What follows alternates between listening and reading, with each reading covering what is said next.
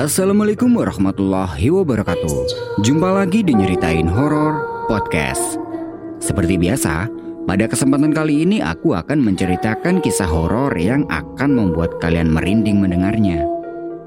Buat kalian yang punya pengalaman horor dan ingin diceritakan di sini bisa cek infonya di kolom deskripsi. Nah, seperti apa kisahnya? Stay tune.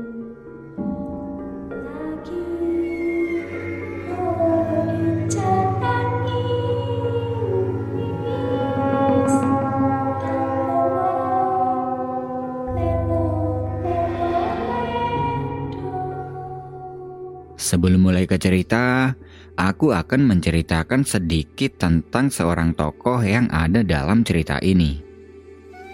Sundari. Sebenarnya nama aslinya itu bukan Sundari, melainkan Serindari.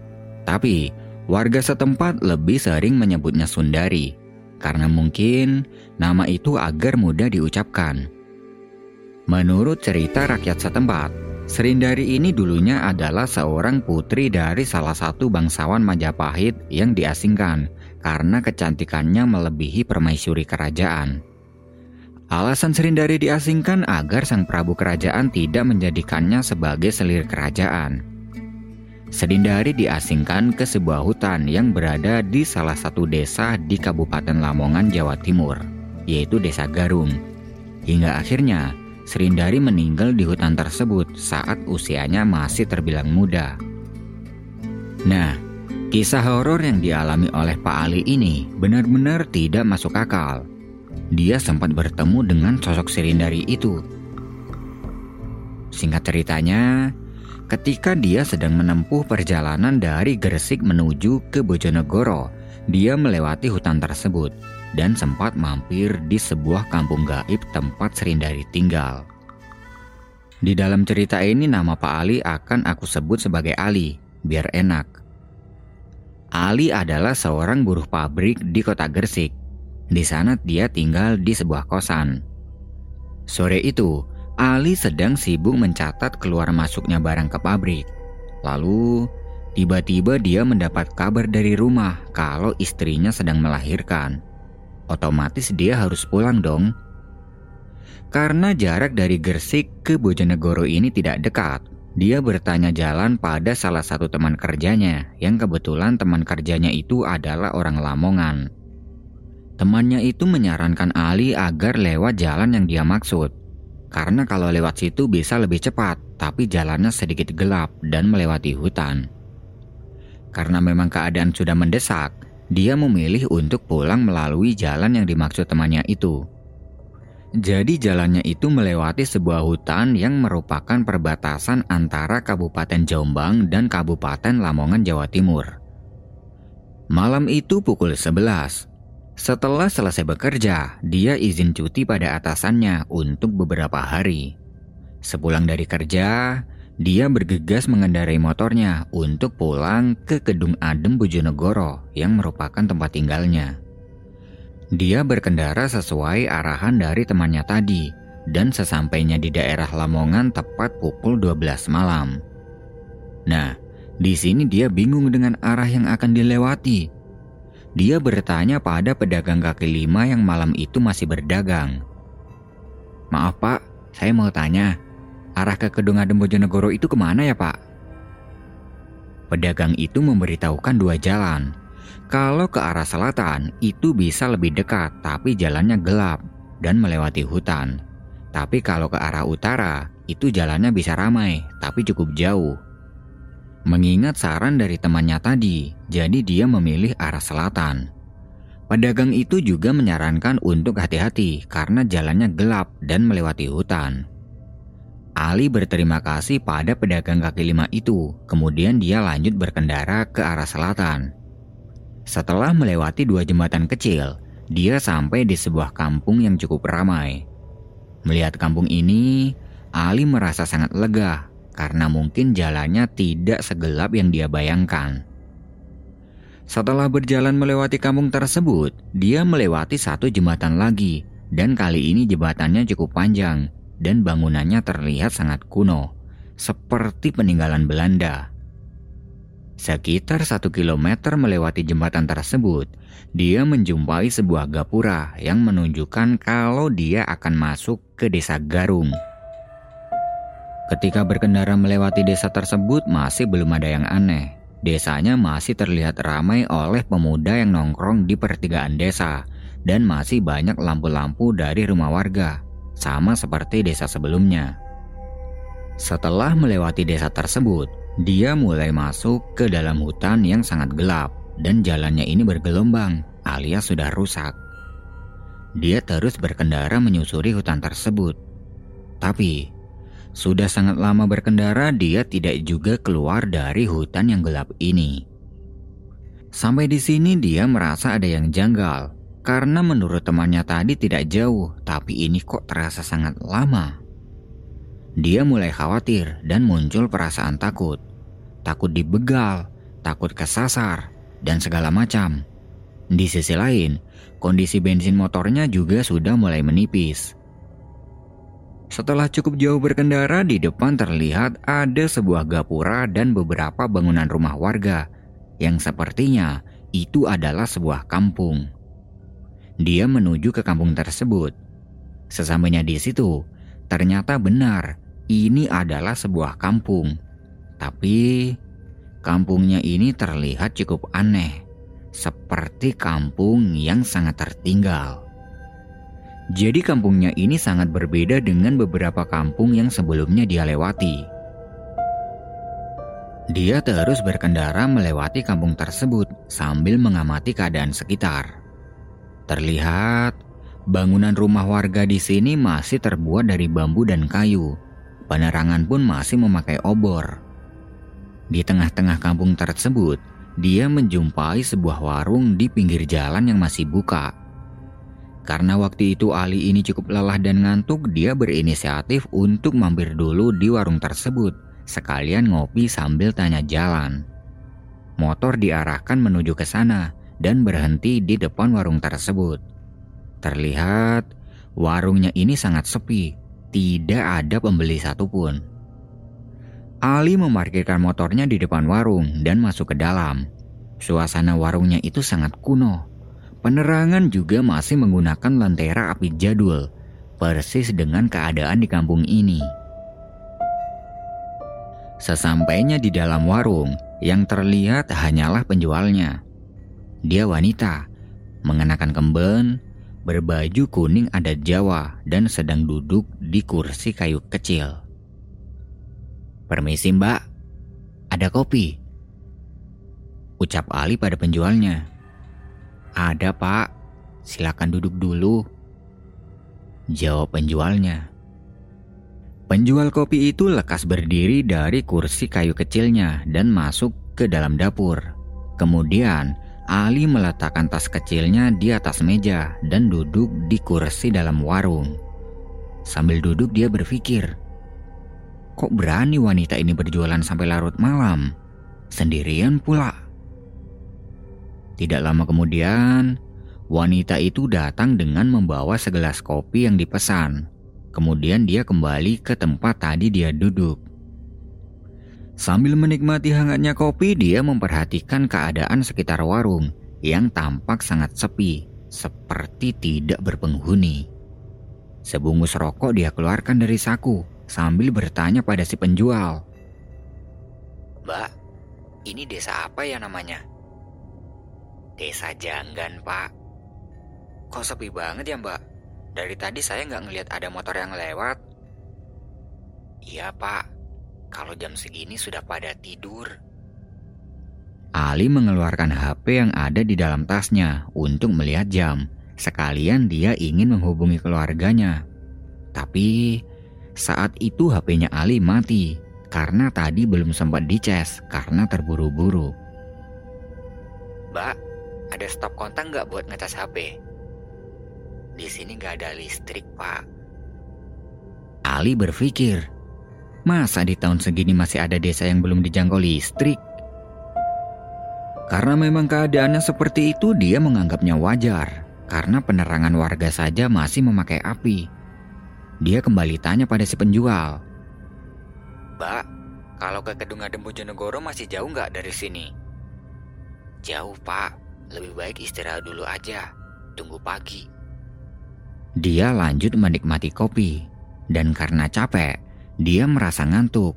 Hingga tanpa disadari, dia ini tertidur dengan posisi duduk bersandar dinding warung yang terbuat dari anyaman bambu. Tidak lama tidur, tiba-tiba terasa ada yang membangunkan. Dan ternyata yang membangunkan itu adalah si pemilik warung. Pak, kalau mau istirahat lebih baik di rumah saja, soalnya warungnya mau tutup. Ucap si penjual itu. Mendengar itu Ali menolak karena dia sungkan. Di sisi lain, gak pantas juga kalau harus istirahat di rumah wanita, apalagi malam-malam gini. Dia bilang pada wanita itu kalau dia akan melanjutkan perjalanan. Tapi Wanita itu memaksa Ali untuk ikut dan istirahat di rumahnya. Karena menurutnya, kalau lanjut jalan sekarang itu cukup bahaya. Selain sudah larut malam, hutannya juga gelap. Karena merasa capek dan ngantuk, Ali mempertimbangkan tawaran wanita itu. Di sisi lain, kondisi bensin motornya juga sudah menipis, takutnya kehabisan di tengah hutan. Ali pun bertanya pada wanita itu, apa boleh kalau istirahat di rumahnya dan apa keluarganya tidak melarangnya. Wanita itu bilang tidak apa-apa, lebih baik menginap daripada terjadi apa-apa di jalan. Karena sebenarnya Ali juga merasa ragu kalau harus lanjut jalan sekarang, akhirnya dia mau menerima tawaran dari wanita itu dan berniat lanjut jalan lagi nanti menjelang pagi. Berhubung wanita itu tidak membawa kendaraan, Ali memboncengnya menuju ke rumah wanita itu. Di perjalanan, Ali bertanya nama wanita itu. Dia bilang namanya adalah Serindari. Tidak lama berkendara, sampailah mereka di rumahnya Serindari. Rumahnya terlihat sama seperti rumah warga lainnya. Kemudian, Serindari mempersilahkan Ali untuk masuk ke dalam. Sesampainya di dalam rumah, suasananya terlihat sangat sepi. Mungkin orang tua Serindari sudah pada tidur. Serindari mempersilahkan Ali untuk duduk di ruang tamu dan dia masuk ke dalam untuk menaruh barang-barang yang dia bawa dari warung tadi. Sambil duduk di kursi yang terbuat dari anyaman bambu, dia memperhatikan keadaan rumah Serindari yang benar-benar kuno hanya terdapat satu penerangan dari lentera api jadul. Tidak lama kemudian, Serindari datang ke ruang tamu. Dia terlihat memakai pakaian yang berbeda dari sebelumnya, tapi dengan warna yang sama, yaitu kuning. Dia terlihat sangat cantik, berkulit putih langsat, dan rambutnya panjang bergelombang. Dia datang sambil membawa lentera api jadul dan makanan berupa buah maja. Buah maja ini bentuknya seperti jeruk, tapi kulitnya keras. Kalau mau dimakan harus dipecah kulitnya dulu. Rasanya manis dan baunya harum. Serindari meletakkan api dan buah itu di atas meja. Kemudian dia duduk di kursi sebelah Ali. Kok sepi banget mbak? Orang rumah pada tidur ya? Tanya Ali. Enggak pak, saya memang tinggal sendiri. Jawab Serindari. Mendengar itu Ali sempat tidak percaya kalau Serindari ini tinggal seorang diri. Sambil makan buah maja, Ali bertanya banyak tentang kehidupan Serindari. Hingga akhirnya mereka terlibat obrolan yang cukup seru. Serindari mengatakan kalau dia adalah putri dari bangsawan. Di sini dia tinggal seorang diri dia tidak bersuami dan kedua orang tuanya sudah lama meninggal, begitupun dengan saudara-saudaranya. Mendengar gaya bicara Serindari dengan bahasa Jawanya yang lembut, Ali sempat terkagum dengan kecantikan Serindari.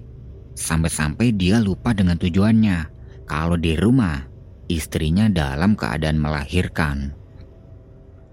Setelah cukup lama ngobrol, Serindari mempersilahkan Ali untuk istirahat di sebuah dipan yang ada di ruang tamu, dan dia kembali masuk ke dalam. Ali pun segera merebahkan badannya di atas dipan tersebut sambil berpikir, kok bisa ya wanita secantik ini tinggal di desa yang sangat tertinggal?